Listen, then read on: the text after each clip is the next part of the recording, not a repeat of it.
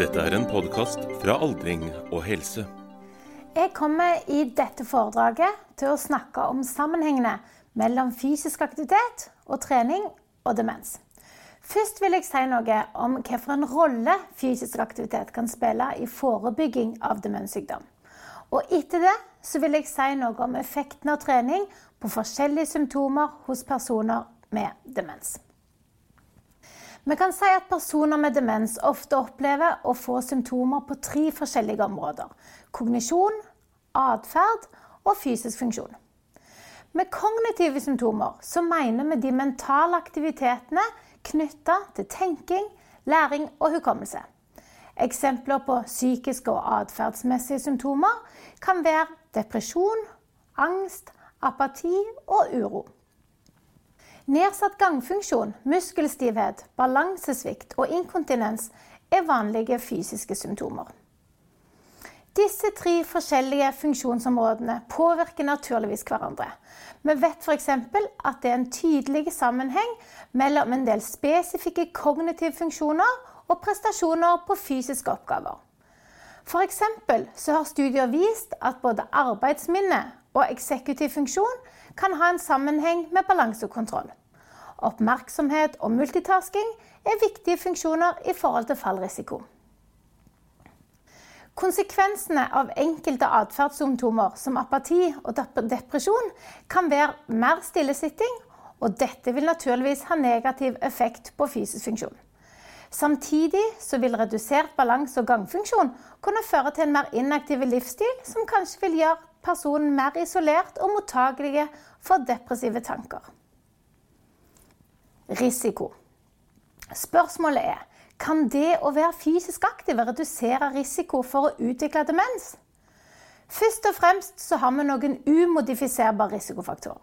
De viktigste er genene våre, Downs syndrom og aller, aller viktigst alder.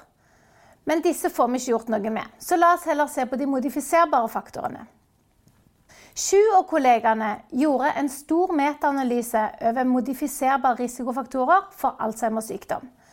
Her ser dere en oversikt over alle de faktorene som spiller inn. Fysisk aktivitet er merka med gult, og som dere ser, så finner vi, det, finner vi fysisk aktivitet på den sida med beskyttelsesfaktorer, og ikke som en risikofaktor. Men den er grønn. Og det betyr at bevisene ikke er like sterke som for de faktorene som vi ser er blå. Videre ser vi det at høy BMI, arteriosklerose og diabetes type 2 er risikofaktorer for å utvikle Alzheimer. Og her kan vi jo se for oss at trening spiller en indirekte beskyttende rolle. En nylig artikkel fra Lancet fra 2017 tok for seg demenssykdom og forebygging, tiltak og omsorg. Mens Sju og kollegaene bare så på artikler som omhandla Alzheimer, så denne Lancet-artikkelen på demenssykdommer generelt. Forfatterne påpeker at sentrale modifiserbare risikofaktorer er fysisk inaktivitet, overvekt og høy blodtrykk. I denne neste figuren kan vi se at de foreslår at trening kan ha en sentral rolle for å påvirke mekanismer i hjernen for å, få, unnskyld, for å forebygge utvikling av demens. Det å være fysisk aktive kan trolig påvirke denne utviklingen på tre måter. Gjennom å bygge opp kognitive reserver, å redusere betennelsesreaksjoner og å redusere skader som allerede har oppstått. Vi skal nå se videre på hva forskningen sier om effekten av trening på forskjellige symptomer. Når det gjelder effekten av trening på fysisk funksjon, så er bevisene veldig entydige. Personer med demens som trener, kan bedre ganghastigheten sin, de kan få bedre balanse og kondisjon, og i tillegg bedre ADL-funksjonen sin. Og bli flinkere til dual task-oppgaver. Det betyr at de kan løse en kognitiv oppgave, f.eks. mens de går. De opplever òg økt mestringsfølelse etter trening. Effekten på atferdssymptomer er litt mer usikker. Desuto Barreto og kollegene gjorde en metaanalyse i 2015, og de fant at effekten av trening på depresjon var klar. Men med hensyn til effekten på andre atferdssymptomer, så var resultatene varierende. Treningsgruppene skårer generelt bedre på atferd enn kontrollgruppene, men forskjellen mellom gruppene blir ofte ikke så stor. Det ble påpekt at det var få studier og usikre resultater. Men i ettertid så har det blitt publisert flere randomiserte studier som har vist positiv effekt både på global score og på uro, så mye tyder på at fysisk trening er positivt for denne type symptomer, men at effektstørrelsen fortsatt er usikker. Men hvordan påvirker trening hjernen? Vi vet at det å være fysisk aktive påvirker hjernen på forskjellige måter. Vi får større hjernevolum, økt nerveaktivitet og økt blodgjennomstrømning til hjernen. Fysisk aktivitet er assosiert med nevroplastisitet og øker mengden med hjernederivert neurotropiske faktorer, kalt BDNF, og insulinlignende vekstfaktorer, IGF-1, og disse er viktige i kampen mot hjerneatrofi i den aldrende hjernen. Øman og Groth har begge lagd systematiske oversikter over effekten av fysisk trening på kognitiv funksjon hos personer med demens. Begge rapporterer positive, men noe begrensa effekt. Øman påpeker at effekten er større hos personer med MCI, altså mild kognitiv svikt. Men igjen så løftes det fram store metodologiske problemer med treningsstudiene. Studiene som skal sammenlignes, varierer i definisjonen av demens. Det er ikke alle som er blinde, de har få deltakere. Og det er ikke alle heller som rapporterer om deltakelse, frafall og komplikasjoner. I tillegg er det stor forskjell mellom studiene med hensyn til type trening, varighet og intensitet. Jeg vil nå fortelle litt om doktorgradsprosjektet mitt, XDEM, som var en randomisert, kontrollert studie som målte effekten av fysisk trening blant sykehjemsbåere med demens. Helsemyndighetene har som mål å tilby eldre mennesker hjelp hjemme så lenge som mulig. Men når personene trenger hjelp i så stor grad at det blir utilstrekkelig, så blir de tilbudt plass på sykehjem. Av den grunn er de ofte i stor grad prega av multimobilitet og polyfarmasi når de kommer på sykehjemmet. Sykehjemsboerne er likevel ei heterogene gruppe med hensyn til fysisk funksjon. Noen er sengeliggende, mens andre er mobile uten ganghjelpemiddel. Sykehjem, sykehjemsboerne lever i de fleste tilfeller et veldig inaktivt liv, selv om de er selvambulerende. Og ca. 80% har en demenssykdom. Vi hadde 170 deltakere i XDEM-studien.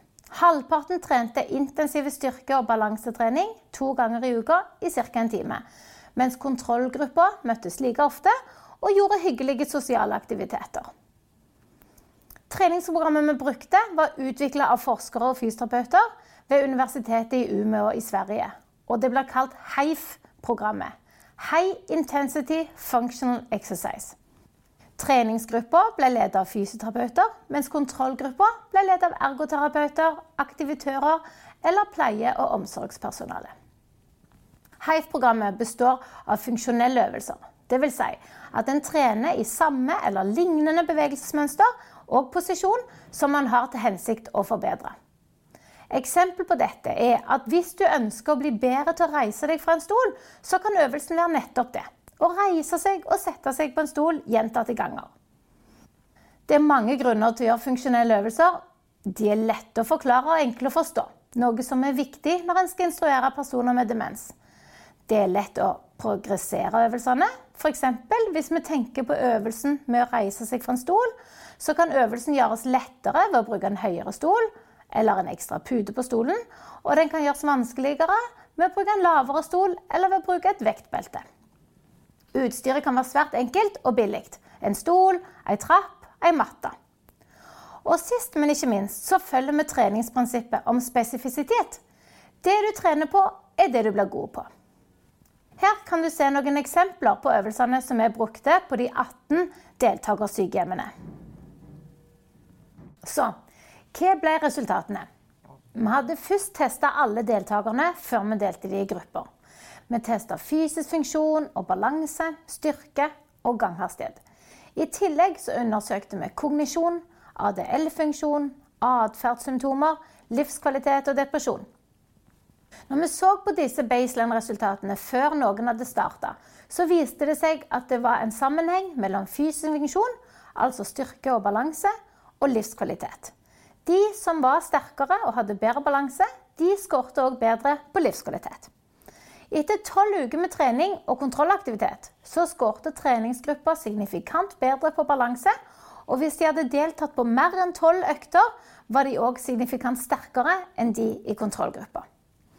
I tillegg viste det seg at treningsgruppa var mindre apatiske ved aktivitetsslutt.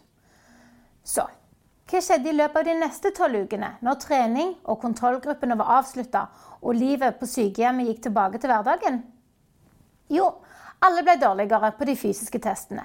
Men treningsgruppa hadde, signifikant, hadde fortsatt signifikant bedre balanse enn kontrollgruppa. Så selv om fysisk form er ferskvare, så hadde treningen en langtidseffekt. En annen langtidseffekt for treningsgruppa var at de var mindre urolige. Jeg konkluderer. Fysisk aktivitetsnivå påvirker risikoen for demens. Trening kan påvirke både fysisk funksjon, kognisjon, atferd og mental helse hos personer med demens. Og personer med demens som bor på sykehjem, kan være motiverte til å delta på trening, de kan motta instruksjoner og utføre øvelsene effektivt og korrekt.